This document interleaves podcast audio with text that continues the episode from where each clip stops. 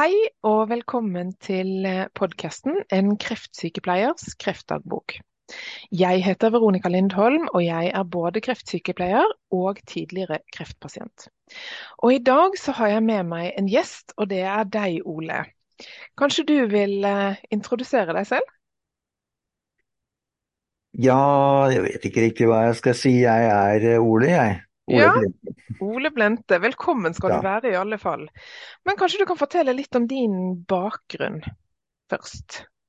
Min bakgrunn så har jeg jobbet som med innenfor eh, offentlig helsetjeneste med autister og når jeg er utdannet steinerskolelærer. Men har egentlig hatt uh, mine egne problemer uh, i forkant hele livet. Og egentlig ikke lykkes med noe, og, og da stadig eh, undret over hva er dette her for et merkelig liv. Inntil jeg da begynner å skjønne at det er en viss systematikk i galskapen. Man kan begynne å nøste og finne årsaker til alle problemene. Og Mm. det har de siste årene vært en fantastisk oppdagelsesreise. Ja, fordi du har jo skrevet bok, og du holder kurs, og det du primært jobber med, det er jo traumer. Mm. Og det var jo derfor eh, vi fant hverandre, eller jeg fant deg. Ja. Eh, fordi jeg trengte hjelp i forhold til en traumeproblematikk. Jeg, da jeg ble syk, så, så kjente jeg veldig eh, at dette var et stort traume for meg. Og så fant jeg deg. Og du har jo hjulpet meg veldig, veldig mye med eh, ganske intensiv behandling.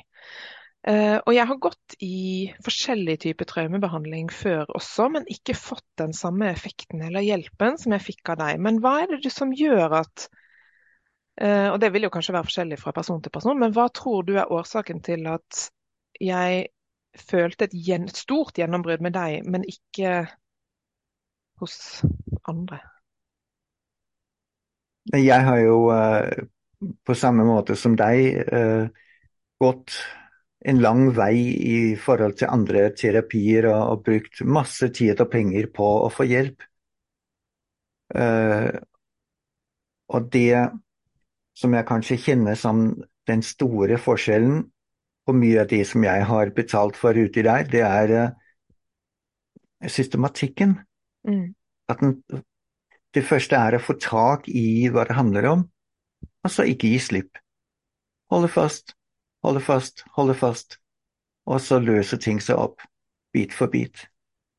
Men når du sier holde fast, eh, holde da fast i problemet, eller? Ja, ja. Altså ikke, ikke gi slipp når man har skjønt hva en ting handler om, Mm. så ikke gi slipp før jeg er borte. Og det er jo vanskelig, fordi personlig så kjenner jeg at ofte så er det litt nesten, og det høres sikkert teit ut, men kanskje nesten godt å være i det som er kjent. Ehm, og når det blir vondt å skulle da holde fast og bore i dette som er vondt, så vil jeg heller løpe min vei. Er det ganske vanlig, eller? Ja, og det har også noe å gjøre med da, hva er tilnærmingen. Mm. Og, Men er det det du mener med å holde fast? Nei, altså Hvis vi skal bli konkrete, at hvis du har et, et problem, og så sier dette problemet det har en årsak i tid. Og når jeg vet at det har en årsak i tid, så kan jeg spørre min underbevissthet hva er årsaken, eller i hvert fall, kjære underbevissthet, du vet hva det er. Og når underbevisstheten og jeg har kontakt, så gjelder det om å holde den kontakten. Og så kan jeg spørre inn til hva er det, hva var det for et problem? Hvorfor har du holdt fast i å skulle forsvare meg imot noe her? Fordi det er jo det som er eh, at når vi møter veggen, noe som er for mye, eh, for ofte, for brått på, når vi ikke klarer å beskytte vår egen person, så slår underbevisste mekanismer inn og sier du Ole, det der, det skal ikke vi ha gjentatt. Nå tar vi over, og vi det er altså da, skal man si, eh, pattedyr og krypdyr osv. metoder for overlevelse, og slår inn programmer som da overstyrer, skal man si, den menneskelige frie vilje. Er det derfor man ofte liksom møter på de samme problemene igjen og igjen, og igjen? kanskje i litt sånn ulik forkledning, men at tematikken ofte er det samme? At man kanskje møter en spesifikk type mennesker, eller at man alltid i gåseøynene har problemer med økonomi, eller er det en av årsakene til, til at man ofte gjør det? Ja, det ligger uh, forskjellige ting i det, men en av tingene er jo at La oss si at uh, man har en bilulykke. Mm. Og så vil underbevisstheten prøve å forhindre den slags bilulykke igjen. Og når man opplever en lignende uh, situasjon, så vil underbevisstheten prøve å ta over. Og dermed så vil, så vil man kanskje komme i ubehagelige situasjoner fordi man reagerer ut ifra, som man sier, angst eller eller man har fått uh, mye kjeft, og så vil man bryte av samtaler før man kommer inn i en ordentlig snakk med andre mennesker. Andre mennesker vil oppfatte en som uh, overstyrende eller uh, usympatisk eller hva som helst. Men poenget er jo at man da mister en del av livet. Mm. I, forsøk, altså I underbevissthetens forsøk på å spare igjen for nederlag. Så på en måte så kan underbev... Unnskyld. Ja ja, dermed så blir det jo at man gjentakende ganger kommer inn i samme situasjon. Og livet kan da lære en gjennom årtiene å finpusse det der litt. Men det er jo først når man virkelig tar tak i traumet og bevisst eh, adresserer det, at det er da man kan løse det opp. Så det du sier, det er egentlig at underbevisstheten faktisk kan spenne litt bein for deg? Hvis ikke du er bevisst på det, da? Altså Underbevisstheten har jo veldig enkle metoder. Underbevisstheten er ikke helt uh, med når det gjelder menneskelig uh, finsliping av uh, fakturaer og, og, og, politiske, sosiale konflikter. Underbevisstheten sier hm, dette kjennes ikke godt ut, skal vi slåss eller skal vi løpe? Mm. Dessverre så er det så simpelt. Og det passer veldig dårlig i veldig mange mennesker i sammenheng. Men, men, det er jo Det passer jo veldig godt i tenker jeg da, dagens samfunn hvor vi løper mye. Vi er stresset, vi, vi har ikke tid til å lytte innover. Eh, er dette da med å stikke av en litt sånn klassisk Er det noe du ser ofte? Ja, som sagt, det er liksom de to måter underbevisstheten kan avhjelpe problemer på. Mm. Og dermed så er det de, en av de som blir valgt. Enten så slår man, eller så løper man. Mm. Og hvis man ikke gjør noen av delene, så blir man stående lammet. Og den lammelsen, det er den som da fører til alle de kroniske sykdommer som vi kjenner til. Mm. Fordi vi er nødt til å løse konflikter. Hvis ikke konflikten blir løst, så blir kroppen mobiliserer til å løse konflikten. Enten skal det løpes, eller det skal slås. Mm. Og det vil si at det er kroppslige reaksjoner. Det er mobilisering av store muskler. Og hvis den, det kaller vi da en stressituasjon, og hvis den ikke blir utløst, enten ved at vi løper eller at vi, at vi slår, så forblir denne mobilisering der. Og den tåler vi ikke lenge. Det er en unntakstilstand. Da blir alt satt inn for at vi skal overleve dette øyeblikket, og da skal det gjøres noen ting. Hvis man tenker seg en en mus som oppdager katten. I løpet av noen sekunder så har den gjort noen ikke gevaldige sprang og kommet seg i hullet, mm. eller den blir spist. Hvis den skal løpe noen minutter, så er den ødelagt. Mm. Den kan ikke løpe timer eller uker eller år i full sprang. Det er helt umulig. Og når vi mennesker prøver å gjøre det, så møter vi også veggen.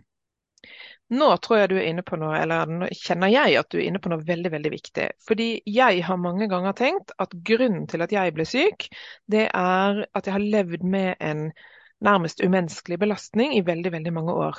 Hva, mm. hva tenker du rundt det? For du er jo litt inne på at det kan henge sammen. Det er så enkelt er det. Dette er uh, alt altfor enkelt, egentlig. Mm. Møte et problem, da skal det løses her og nå. Jeg har jo hatt eh, noen ganske store traumer i mitt liv, men mange som blir alvorlig syke, har jo ikke det. Um, kan, nå, vi har jo vært inne på dette med underbevissthet, men kan traumer ligge i det underbevisste òg? Mange vil jo da si ja, men jeg har ikke hatt noe stort traume i livet mitt, og så allikevel så er jeg blitt kronisk syk eller alvorlig syk, eller altså at kroppen reagerer allikevel. Hva, hvor, kan, hvor kan vi da finne sammenheng eller forklaring? Altså En kjent sak er jo at hvis vi over, uh, opplever noe veldig traumatisk, at man da ikke lenger husker det. Straks at man uh, mister bevisstheten om det. Og, da, og, og, det gjelder jo også da for uh, tidlig barndom. Mm. Så hvor mange husker hva, hva som skjedde som ettåring eller noen få måneder gammel, det er ikke vanlig. Men kan man allikevel få, få en sykdom utløst av et mindre traume? Fordi mange tenker jo på traumer også som voldtekt eller vitne til eh, drap eller krig eller sånne ting. Men kan små i gåseøyne traumer også utløse fysisk sykdom senere i livet, tror du? Det er min erfaring at uh, ting som ikke egentlig synes i det ytre, mm har eh, vel så stor betydning som det å møte en tiger eller bli kjørt over av en lastebil. Mm. Fordi at det er ikke egentlig den ytre hendelsen som er viktig. Det er opplevelsen av den. Ja. Og det vil si at det. det er så viktig. Ja, det er ikke den fysiske hendelsen som er viktig, det er opplevelsen av hendelsen. Ja. Ja. Eller det er ikke engang opplevelsen av en hendelse, det er opplevelsen av opplevelsen. Og det er så viktig. Det er gull det du sier nå. Fordi jeg har, jeg har, jo veldig tro på dette her, og jeg kjenner jo hvor effektivt det har vært for meg å jobbe på den måten som du jobber. Og vi har jo gått tilbake helt til fødselsøyeblikket, f.eks. mitt. Eh, og hvor jeg også opplevde ting i fødselen min som har preget meg resten av livet. Kan du si noe om altså, det er ganske spesielt. Det er jo ikke for eh, å skulle snakke om at man husker sin fødsel, eller at det har preget en på en negativ måte. Nei, det er det kanskje ikke. og Likevel så eh, kan vi gå enda lenger tilbake og si at moderne forskning når det gjelder eh, ADHD f.eks., mm. tilsier at uh, har mor vært stresset med strømregningen under svangerskapet, så kan det være en medårsak uh, til ADHD. Mm. Det er jo ganske kontroversielt. Ja. Sånn at det er ikke et ulydig barn eller sånn, men den bekymringen som mor opplever, mm. den kan det biologiske vesen som barnet er, ikke forstå. Mm. Fordi at det at det mangler penger, det er ikke noe som fins i en biologisk forstand. Nei. Men barnet kan oppleve at mor er redd for et eller annet, mm. og da blir barnet redd. Der livet er truet, Mm. Og mor har kanskje ikke noen løsning, annet enn at den der regningen den kommer hver måned og er like skremmende hver måned. Mm. Og dermed så blir barnet levende i en permanent stress.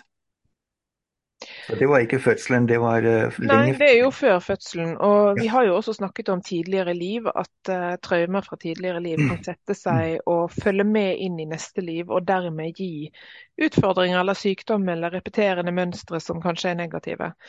Um, så her kan vi jo dyppe, dykke dypt. Um, og, og alt det du gjør, det foregår egentlig på, i det underbevisste? Er det, det du, er det sånn du jobber alltid?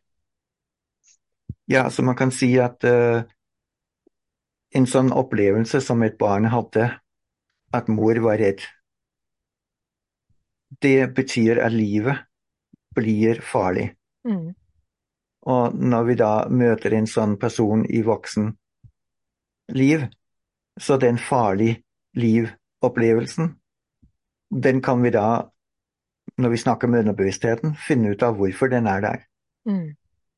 Og den det var da en konflikt som under svangerskapet ikke blir løst. Nå kan vi vite at personen har blitt født, mm. så det problemet er over.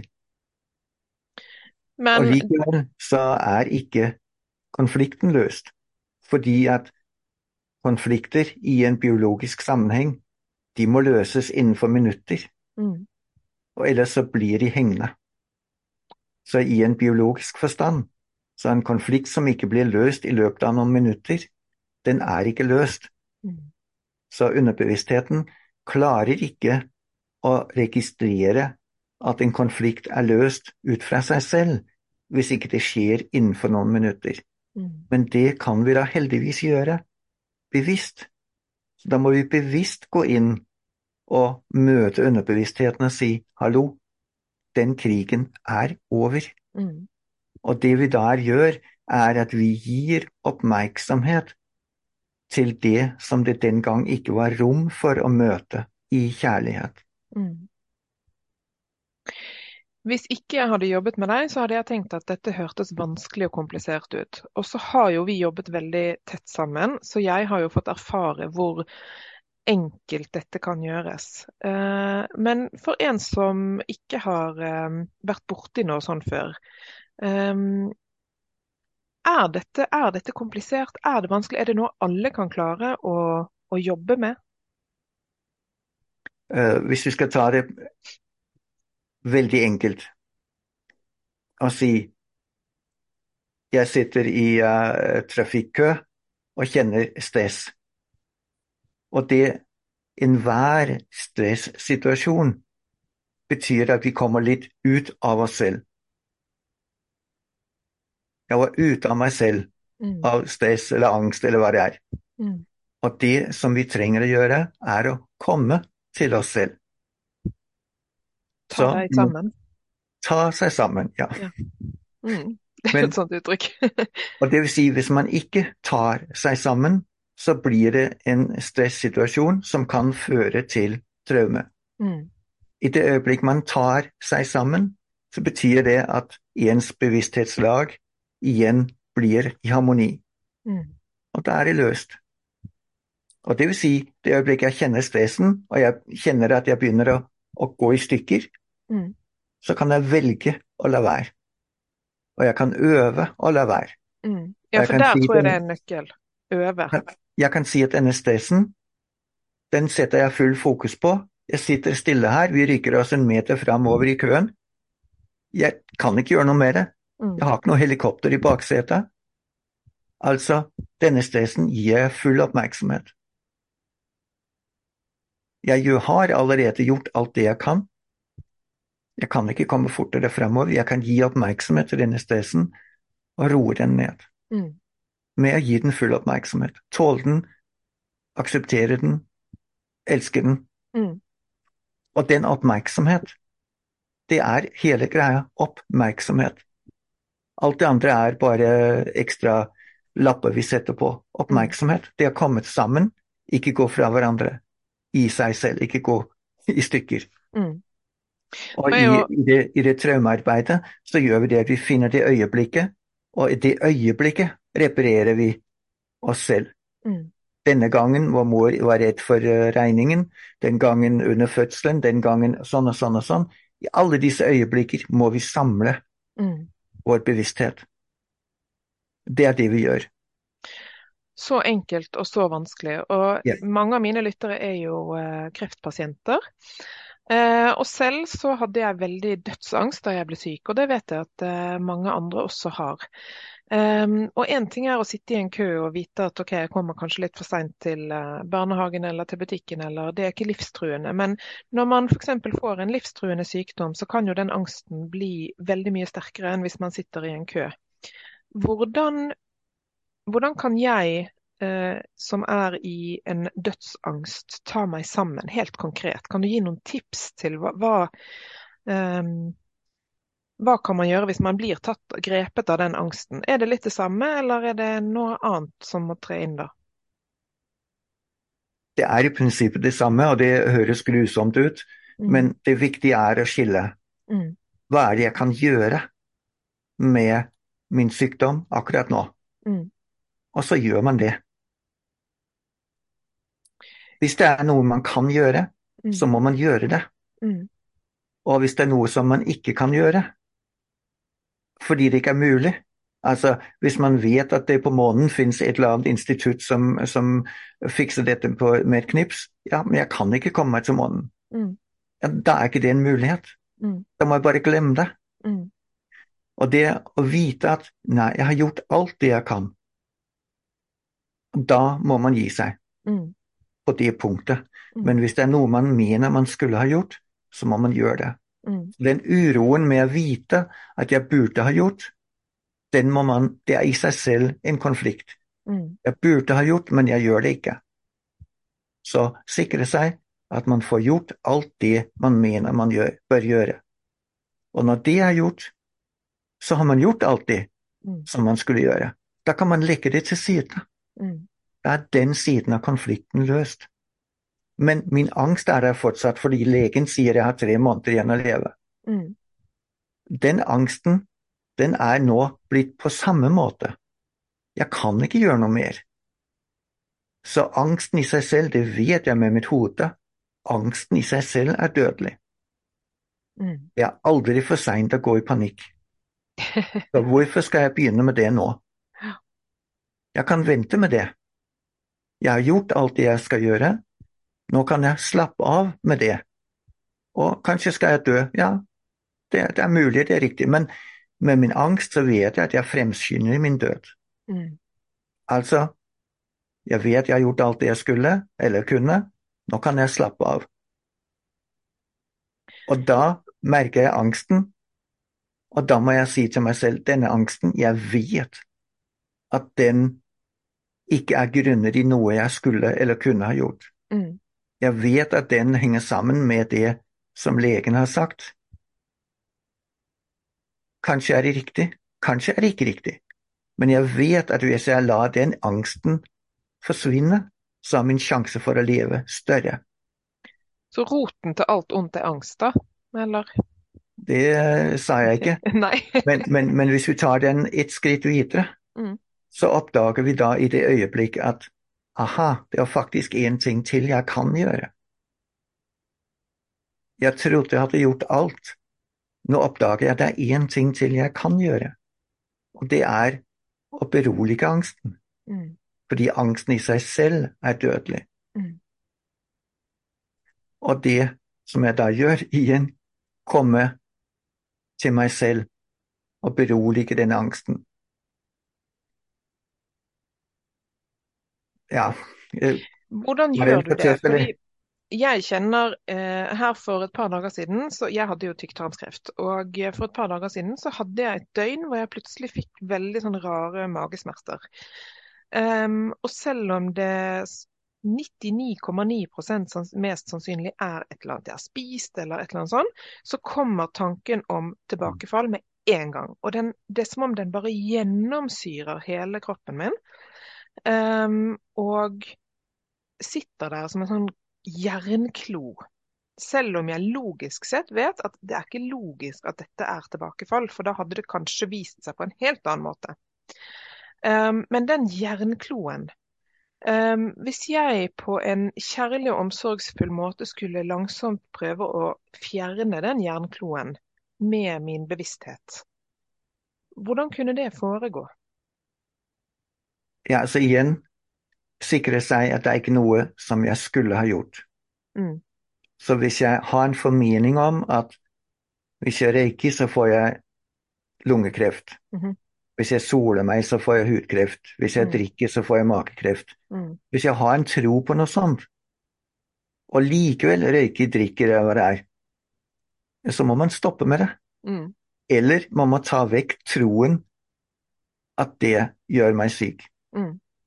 Var det en Men- vanskelig, eller? Eh, Ja, fordi det, egentlig, det jeg egentlig etterspør, det er mer eh, fordi La oss si jeg har gjort alle de tingene. Ja. Um, og så får jeg vondt i magen, og så går jeg ikke til legen i det minuttet jeg får vondt i magen. Kanskje hvis jeg har hatt vondt i magen en uke, så går jeg til legen. Men det vil si at si, fra det øyeblikket jeg får vondt til jeg velger å gå til legen, så går det noen dager eller en uke eller to.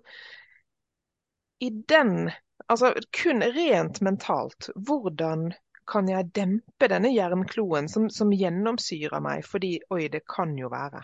Kanskje det ikke er noe jeg har spist, kanskje det er kreften.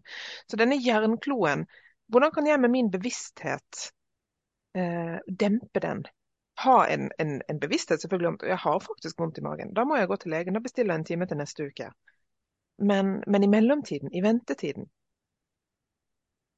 Ja, altså, jeg vet hva du snakker om. Mm, Uh, ikke fordi jeg har vært syk av kreft, men fordi at jeg lever i et samfunn mm, hvor dette med kreft er et emne. mm, Og gjennom, uh, jeg vet ikke, kanskje 10-15 år, så har jeg stadig måttet bearbeide denne angsten mm, for dette ubestemte mm, og uovervinnelige fenomen som hele tiden blir eh, propagert omkring oss. Mm, Og, og stadig så skjer det at når jeg hører ordet kreft, at det gir meg et sjokk. mm, Og disse sjokkene, de hører til med til denne jernkloen. At Ja. det er noe som klyper meg en eller annen plass, og så blir jeg redd at det er det som jeg har hørt om.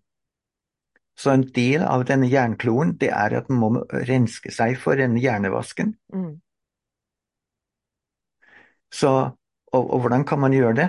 Det er eksempel ved å sette seg inn i hva det egentlig er. mm, Og hvis man vet at enhver angsttilstand overfører krefter til de store muskler og holder igjen på alle indre organer. Alle blodstrømmer som ikke understøtter å løpe eller kjempe, de blir stengt ned. Og hvis man vet at denne kroniske stresstilstanden inneholder disse, disse tingene, nedstenging av alt som ikke understøtter løp eller kjemp, så kan man forstå at det kan gi problemer, mm, og at noen av disse problemer fører til at det mangler surstoff i vev, som er en av karakteristikkene på kreft. mm, Og da kan man vite at hvis man er redd for å få kreft, ja, så må man løse opp. Da må man avspenne sin kropp, løse opp traumer, mm, løse opp stress, komme ut av kronisk stress. mm. Så da har man igjen en ting man kan gjøre. Ja, og så, kjenner jeg at det er dette med ja, men hvordan? Det er den som ehm, Det er så lett å sitte og si ja, men gi slipp på, på angsten, gi slipp på stress. Og du sier at angst er Angsten dreper, men, men hvordan? Helt konkret hvordan? Og jeg opplever jo at jeg har fått hjelp. Veldig god hjelp til hvordan jeg skal gi slipp på denne angsten. Um, blant annet hvor du, du sa noe med uh, kjærlig nærvær og omsorg. Uh, og det har hjulpet meg veldig. Denne kjærlige oppmerksomheten på angsten. Mm. Kan du fortelle litt om, om det? Ja, vi har jo vært innom det allerede et par ganger. Jeg skjønner at det, at det er noe som ikke blir sagt tydelig nok. Uh, I det at det har oppstått et traume, så var det jo fordi at vi ikke Skal vi si i at det, dette skillet imellom meg, de som jeg kaller eh, mitt åndsvesen, og dette vesen som heter personen Ole, Mm. det er jo det jeg tiltaler når jeg sier at uh, jeg går fra forstanden, eller uh, fra sansene, eller uh, jeg går i stykker, eller sånn.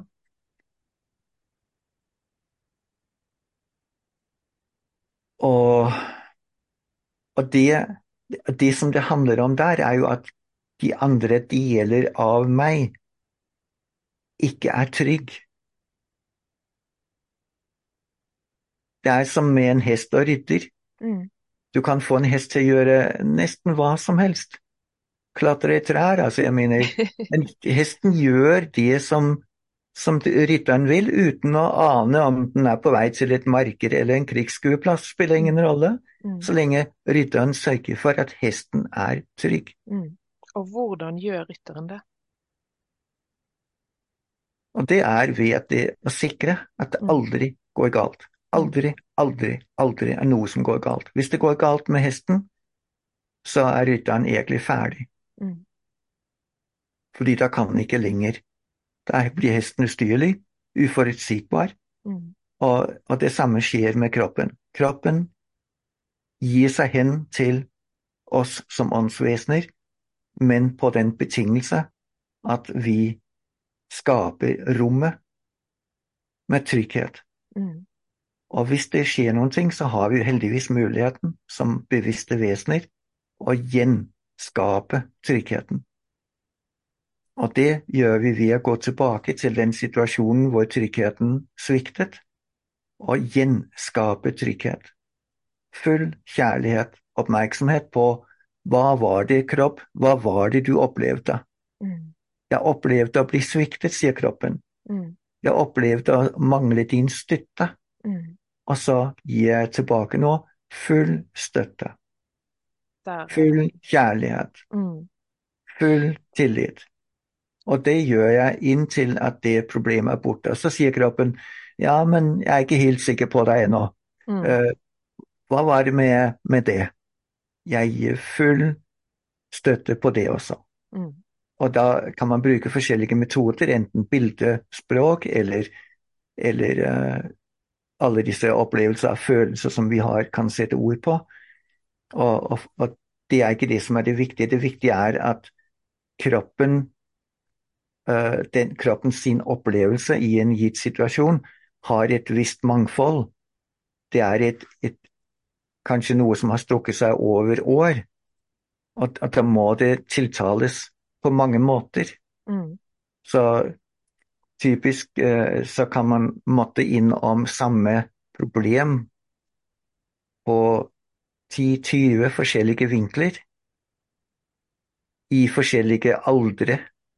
At noe hører til fødsel, noe hører til spedbarn, noe, altså, noe mm. er knyttet til far, noe er knyttet til mor. Og det er det jeg mener, man må ikke gi slipp. Man må ha oppmerksom på problemet, og så hele tiden være åpen for ah, det er nye aspekter av det. Og mm. der og der og der. Det er liksom en kriminal etterforskning. Man må ut og finne alle de løse tråder. Og det, og det, er så viktig det du sier nå, fordi det er jo akkurat dette her jeg føler har gitt meg et verktøy jeg kommer til å bruke resten av livet. Dette med å kunne eh, se kropp Altså jeg ser på kroppen min på en helt annen måte enn jeg gjorde før jeg møtte deg. Eh, og det der med å gå inn og gi omsorg til kroppen min på en, på en helt annen måte enn før, det har vært en kjempeviktig nøkkel for meg òg. Så det tror jeg var eh, ja, spot on det du sa nå.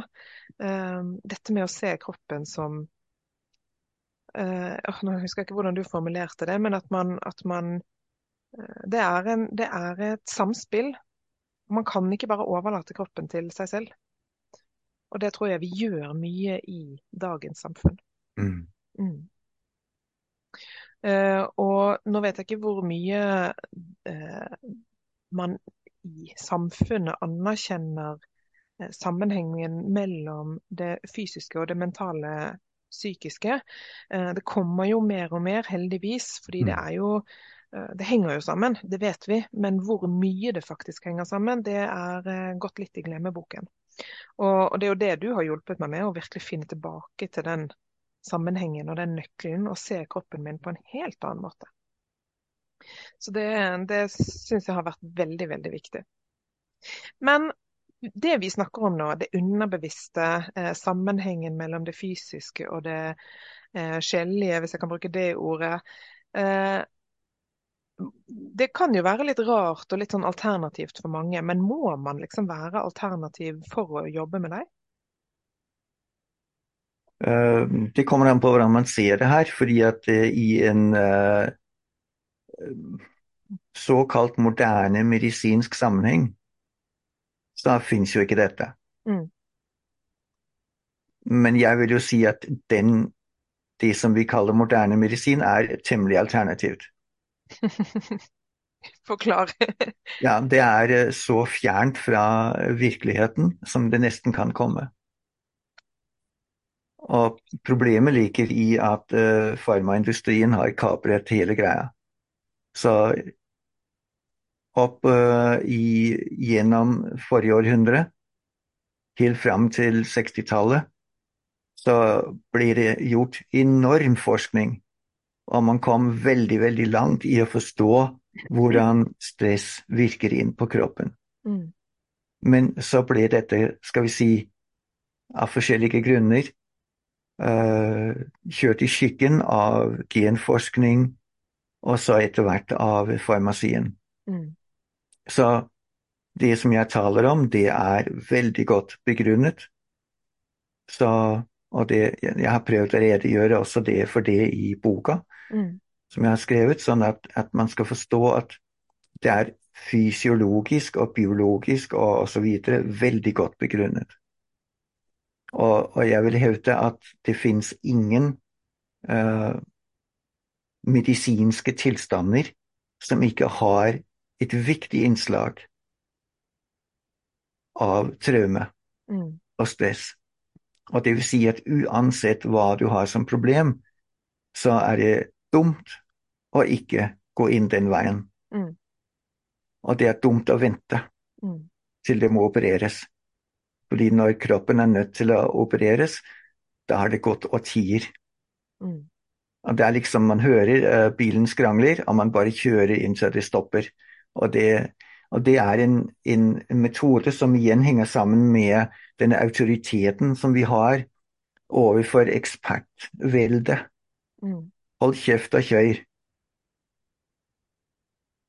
Du har ikke problemet før det stopper, og når det stopper, så går du til eksperten. Mm. Får det fikset og kom tilbake på jobb.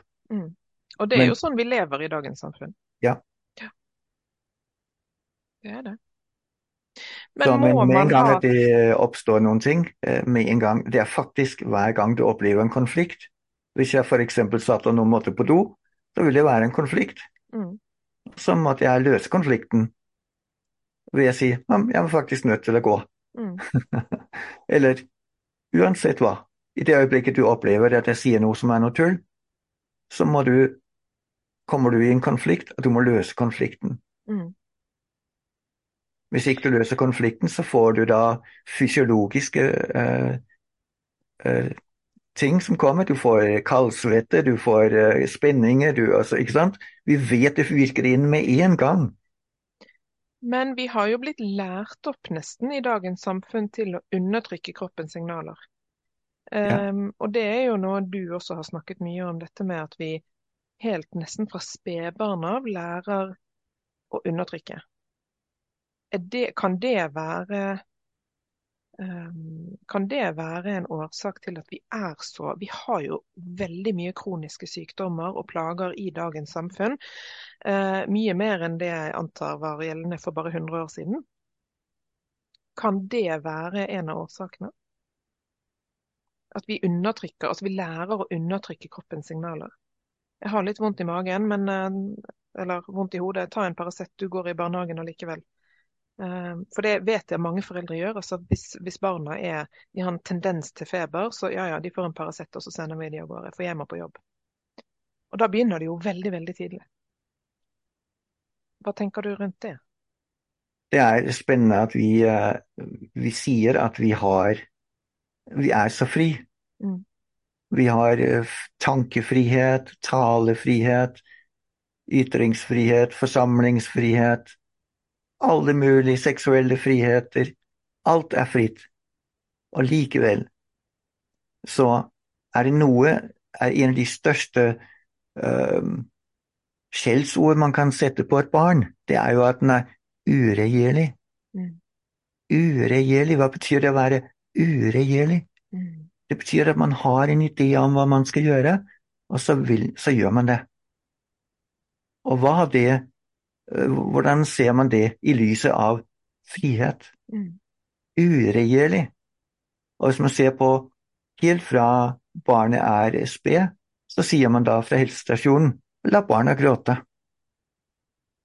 Jeg tror ikke man gjør det nå lenger, men jeg tror man gjorde det ganske langt opp i, i nåtid, mot nåtid. Hvis du gir barnet uh, en lillefinger, så tar det hele hånda. Mm. Ikke ha barnet sovende hos deg. Mm. Barnets ønske om oppmerksomhet skal ikke tilfredsstilles. I familien så sier vi da ved bordet Hysj, barna. Mm. Nå skal vi være rolige her ved bordet. Mm. Og i barnehagen så er det kustus hele dagen. At den skal gjøre sånn og sånn og sånn og sånn. Mm. Ja, vi har full frihet, men du skal følge regimet. Mm. Så går de inn i skolen, og læreren sier hysj, nå er det jeg som snakker. Du kan uh, rekke opp hånda hvis du vil si noe. Og så må du sitte stille inntil det blir friminutt, så kan du sprelle. Altså, hva er det? Det er full kontroll på de som er det aller viktigste som ligger til grunn for alle de andre ting. Det er ens oppmerksomhet blir tatt kontroll på. Mm. Og det går videre i eh, ikke sant, Du blir stoppet på gaten av politibetjenten, og du begynner å snakke til en, så sier han Du, jeg stiller spørsmål, du svarer. Mm. Mm. Full kontroll på menneskets aller viktigste ingrediens i frihet, Mm. oppmerksomheten. Og på engelsk så har de et veldig interessant måte å uttrykke det på. Det heter å pay attention. Altså at, at, at oppmerksomhet er noe man betaler. Mm. Å ja, ja, selvfølgelig. Ja. Og, og i, i vår moderne samfunn så kan man si du har frihet til alt mulig. Mm. Det eneste du ikke har rett til, det er å bestemme over din egen oppmerksomhet. Mm. Så de få øyeblikkene du har lov, så kan du jo være fri til å tenke. Mm. Så det, og, det, og så kan man jo, Motargumentet kan jo være ja, men dette må man for å få til et velfungerende samfunn. Men hva skjer egentlig med den lille kroppen som vokser opp i, i denne strukturen som vi har? Blir det, blir det en, er det det som lærer barna å undertrykke seg selv, da? Eller skjer det noe med den fysiske kroppen også, at, at alle signalene i kroppen sender Si en, si en liten gutt på, som bare vil ut og løpe, eh, blir tvunget til å sitte på stolen, for det er jo sånn skolesystemet er lagt opp. ikke sant? Mm. Og alle, all denne energien, innestengte energien, kan det sette seg som negative spenninger da? Er det det som eh, Kan, kan det ut, utløse problemer og traumer senere? Ja, det er jo eh, to Det er ting traume i seg selv, kanskje? Ja, ja, det er jo det. Men det, det var en, en, nærmest en grusom oppdagelse for meg når jeg fant ut av at bleie, det er et vestlig fenomen. Mm. Og hva er en bleie? Den virker veldig uskyldig. Mm. Men for den lille eh, ungen som sitter i bilen fastspent og med bleie på, og kjenner at nå kommer det noe her nede, og så sier de fra til mor, som sitter og kjører på vei hjem fra barnehagen, og mor har ikke tid til å, å stelle med den bleien.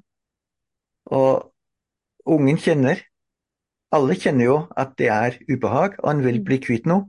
Og ingen har lyst til å drite på seg. Jeg mener, voksne tror det kanskje, Mm. men ikke barn har lyst til å drite på seg heller. Mm. Og denne kroppsfornemmelsen 'jeg må på do', den blir fullstendig ignorert. Og som tiden går, så vil en slik mekanisme bli fjernet fordi den ikke er viktig. Mm. Det er slik vi, vi fungerer som biologiske vesener, at de som ikke blir tatt vare på, det blir borte. Mm. Og det vil si vi lærer helt fra bleien, er på en måte sånn blitt et bilde for meg på at vi undertrykker og fjerner denne kontakten med kroppen. Mm. Og når da en gutt sitter uh, og hopper på benken på skolebenken, så blir det undertrykking av hans egen uh, kroppsfornemmelse. Jeg vil ut og springe. Mm. Og samtidig så blir det tryning av hans frie vilje. Så det er mange lag Mm. som får problemer der. Så alt i alt så lever vi egentlig i et samfunn som fra vugge til grav gjør oss syke på så utrolig mange forskjellige måter som vi ikke reflekterer over, fordi det er jo normalt. Ja. i gåseøyne. Mm. Vi lever i et psykopatisk samfunn. Mm. Det Og var alle institusjoner, alle våre institusjoner understøtter denne psykopatien. Mm. Det er sterke ord, Ole. Det er, det er riktig. Og det har jeg uh, hevdet i denne boken. Hva s- Vi lever i- Ta den litt nærmere kamera. 'Født til trivsel og glede' heter den. Er det en Barns bok du har skrevet? Barns oppvekst i, uh, i Norge, skrevet av Ole Blente.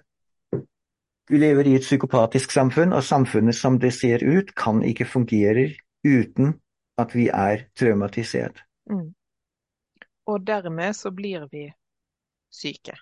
ja Så det er prisen. Det er prisen. det er prisen at vi er altså du kan si Et av kjennetegnene ved dette psykopatiske samfunnet det er jo når vi ikke lenger kan jobbe, Mm. så blir vi kjørt på fyllinga. Mm. Det heter alders- eller sykehjem. Mm. Det er sidesporet, og da er det bare å vente på Mm. At en blir kvitt denne utgiftsposten. Ja, det er eh, litt satt på spissen helt eh, akkurat Ja, det, sånn er. der havner eh, lensmenn og, Mm. og de store businesstopper og alle, alle havner på den der søppelhaugen. Mm. Og Og det igjen genererer enda flere utfordringer, fordi i gamle dager når bestemor og bestefar fikk lov til å bo hjemme og dø hjemme, og barna fikk lov til å ta del i livets kretsløp, så ble også døden en helt naturlig del av livet. Eh, mens nå så er jo døden eh, livsfarlig, Mm. faktisk. Fordi vi ikke vet. Vi, vi vet ikke Altså, barn i dag vokser jo opp med et bilde av døden. Det er det de ser på TV-spill og krasj og bang og splash. Og så er jo ikke døden sånn i virkeligheten. Eh, og det kunne vi jo hatt en egen episode om, dette med døden. Men, eh, så jeg skal ikke bore i det. Men, men det blir jo en, en sirkel som, som påvirker hele livet i det samfunnet vi, vi lever i. Og vi blir jo bare sykere og sykere. Ikke bare i forhold til kreft, men i forhold til alle mulige livsstilssykdommer. Og så skylder vi på maten, og så skylder vi på eh, solen og utslipp og alt mulig. Men, men dette her er jo et veldig komplekst bilde. Det er jo mange, mange ting som spiller inn, og dette med traumer tenker jeg er en stor del av det. Mm. Og så har jeg lyst til å si òg, fordi at mange vil jo da sitte og tenke, det var jeg litt inne på helt i starten, at ja, men jeg har ikke noe traumer. Men, men som du sa, traumer kan være bitte små. Kan det begynne allerede med den bleien? Kan det erfares, kanskje ikke oppleves som et traume, i hvert fall ikke, ikke, for, ikke i en bevissthet, en, en, men kan det oppleves for kroppen som traumatisk? Og ikke også, Mm. Unnskyld, nå hørte jeg deg ikke. Ja, det er jo en uløst konflikt. Ja. Så på den ene siden fører det til at man framover ikke lytter til kroppen, Mm, og på den andre siden så blir denne uløste konflikten, altså man møter en vegg her. mm, Den, det blir ikke blodig eh, nese ut av det, men Nei. man møter en vegg. Mm. Og så er vel det altså jeg tenker at Det har, har nok neppe noe å si at man ikke får byttet bleie én gang, men, Mm. men at det bare er første skritt på en lang rekke små ting som bygger seg opp. da. Ja, så man kan si at det å sitte i sin egen dritt, det er ikke farlig, Mm, men man opplever at mor hører meg ikke. mm. Så Man det er opplever at dette er nedverdigende, Mm, og andre ting er mer viktig enn meg. mm, Altså det er en rekke sånne ting som krenker ens verdighet, mm, og som da fører til at man inn i livet uh, har lært seg at jeg er ikke verdt. Men for 100-200 år siden så hadde man jo ikke alle de livsstilssykdommene som vi har nå, eller i hvert fall ikke i den grad vi har nå. Men, men små barn ble jo krenket, hvis man kan bruke det ordet, den gangen også. Og holdt nede og ute og borte og hysj og Det, det var jo ikke noe Altså det var jo mye mer disiplin, f.eks., i skolen lenger tilbake i tid. Og kanskje slag og skammekrok og mer eh, ganske grove ting. Hvorf- hvorfor hadde vi likevel da mindre livsstilssykdommer og mindre sykdom? For det var jo barn ma- Man lærte jo tidligere også å være stille og høre etter og Ja, så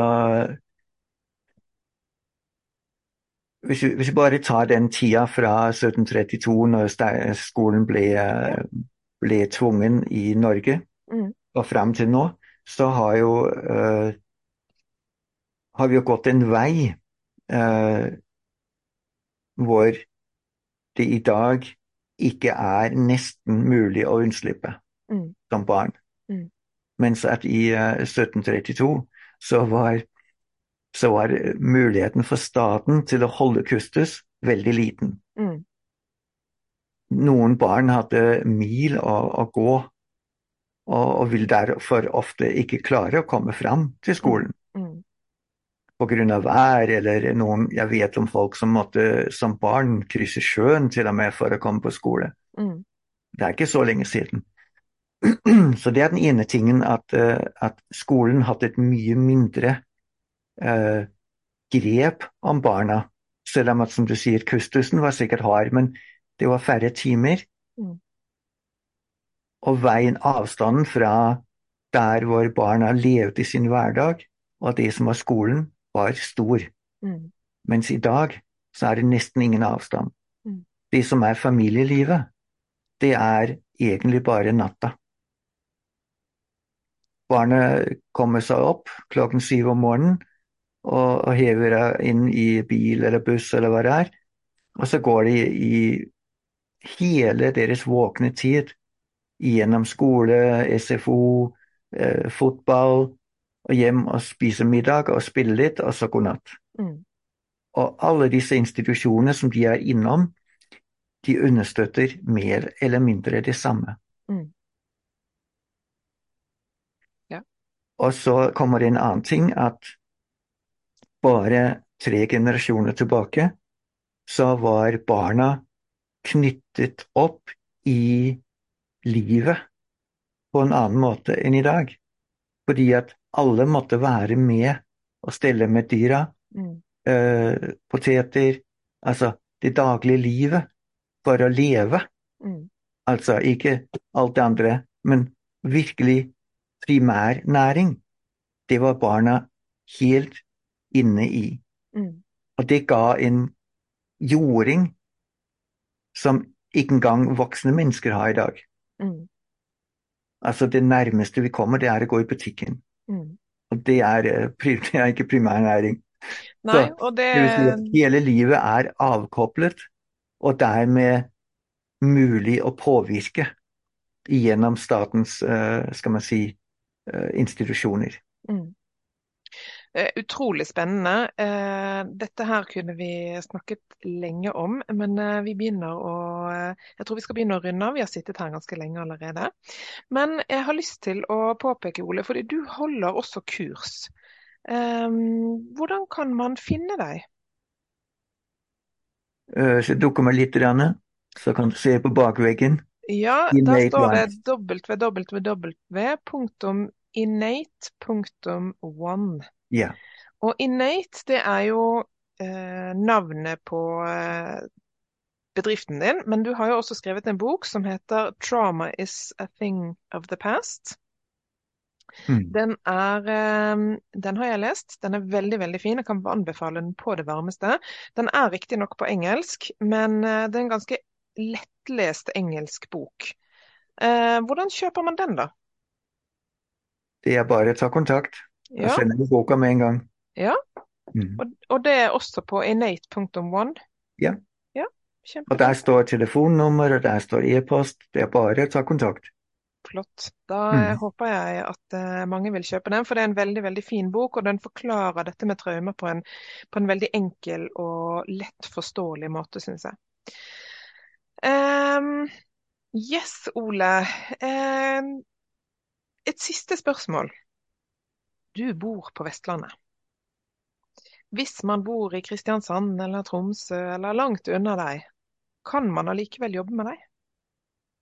Bare ta kontakt. Vi gjør uh, allting over uh, video eller telefon. Mm. For det har jeg ikke erfaring med, men uh, vi kommer langt med en telefon. Jeg, vi har jo jobbet via Zoom, og det har fungert veldig veldig fint. Det har ikke vært et hinder i det hele tatt. Så selv om du som lytter kanskje bor langt borte, så, så, er det mulig å jobbe med Ole. Det er veldig merkelig at vi aldri har møttes, Veronica. Det ja, det har vi faktisk ikke. Ja, det må vi få til en gang. Ja, det må vi. Ja. Mm. Men Ole, tusen takk for at du kom. Eh, tusen takk for at du delte med din erfaring og dine tanker. Dette ble en eh, spennende samtale. Kanskje litt kontroversiell for noen, men eh, veldig spennende. Og tusen takk. Veldig hyggelig å snakke med deg, Veronica. I like måte. Ha det bra.